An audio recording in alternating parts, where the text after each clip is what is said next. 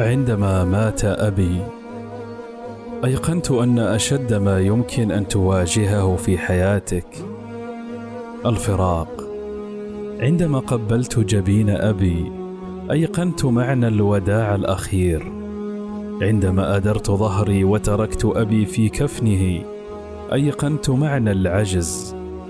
يا رب قد مات ودفن ولكنه بقلبي لم يموت. ربي إني اشتقت لأبي فارحمه برحمتك واجمعني به في جنتك. فمن كان له أبا على قيد الحياة فليحتفي به قبل الرحيل.